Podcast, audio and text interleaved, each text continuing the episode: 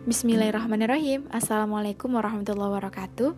Ketemu lagi dengan saya Nur Hayuni dari podcast Mari Membaik Bersama. Alhamdulillah ya teman-teman semua. Kita sudah memasuki bulan Zulqa'dah Yaitu salah satu bulan haram Yang dianjurkan untuk memperbanyak amalan sunnah di dalamnya Seperti berpuasa mutlak salah satunya.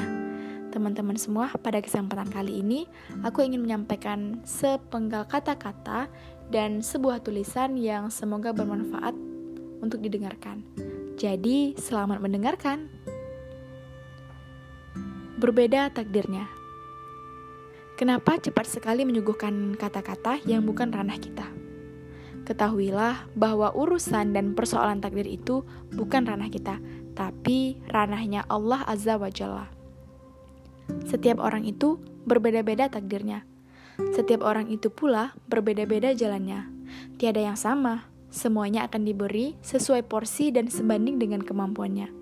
Lalu, kenapa mudah menyuguhkan kata-kata yang tiada kuasa kita di sana?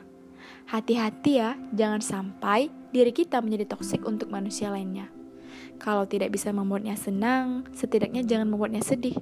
Jangan sampai merubah dirinya yang awalnya bersyukur, kemudian berubah menjadi insecure. Nauzubillah.